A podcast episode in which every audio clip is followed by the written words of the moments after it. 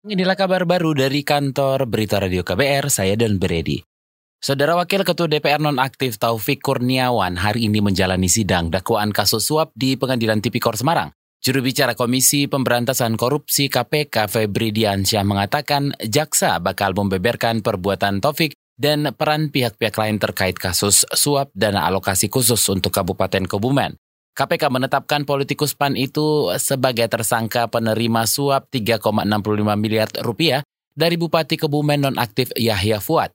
Duit tersebut diduga untuk memuluskan alokasi anggaran DAK untuk Kabupaten Kebumen pada APBN perubahan 2016 sebesar 100 miliar rupiah.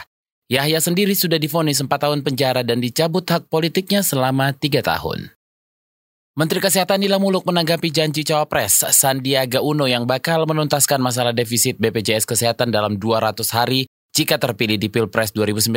Nila menyebut persoalan defisit ini tidak mudah diselesaikan. Ia beralasan beban keuangan BPJS bukan saja timbul lantaran iuran peserta terlalu kecil, namun juga akibat lonjakan jumlah pasien dengan penyakit berat yang harus ditanggung. Itu sebab upaya pencegahan harus lebih banyak digalakan. Kita melihat manfaatnya yang luar biasa, tetapi tentu cost-nya ini yang harus nanti kita uh, tentu balance-nya ini kita harus lihat. Tetapi kenapa cost ini juga tinggi? Uh, selain tentu iurannya memang mungkin harus disesuaikan, tetapi kita lihat memang ada transisi penyakit juga. Nah, sekarang kita dengan gaya hidup kita, kita penuh dengan penyakit jantung, kita penuh dengan penyakit gagal ginjal dan sebagainya. Ini kan penyakit yang memberikan apa, membuat kos yang tinggi.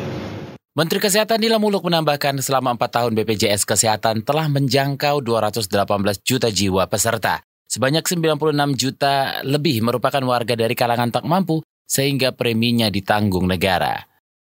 Gusti Randa yakin mampu memikul tanggung jawab pelak sebagai pelaksana tugas Ketua Umum PSSI meski memiliki jabatan rangkap. Gusti Randa setidak, setidaknya memiliki tiga jabatan lain yakni Komisaris PT Liga Indonesia Baru, pengacara pemain Persija Marco Simic, dan Ketua Bidang Pembinaan Prestasi Persatuan Gulat seluruh Indonesia.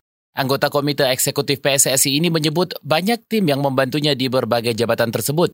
Gusti ditunjuk sebagai PLT Ketum PSSI oleh pejabat sebelumnya Joko Driono. Gusti mengklaim menunjukkan penunjukan ini merupakan hak diskresi Joko yang sebagai pemimpin tertinggi PSSI. Ia bakal memimpin PSSI sampai digelarnya kongres luar biasa yang rencananya digelar Mei 2019 atau sebulan setelah pemilu.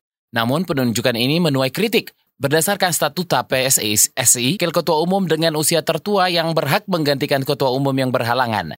Berdasarkan aturan itu, maka seharusnya Iwan Budianto selaku waketum yang menjadi pengganti Joko Driono. Demikian kabar baru dari kantor berita KBR, saya Don Brady.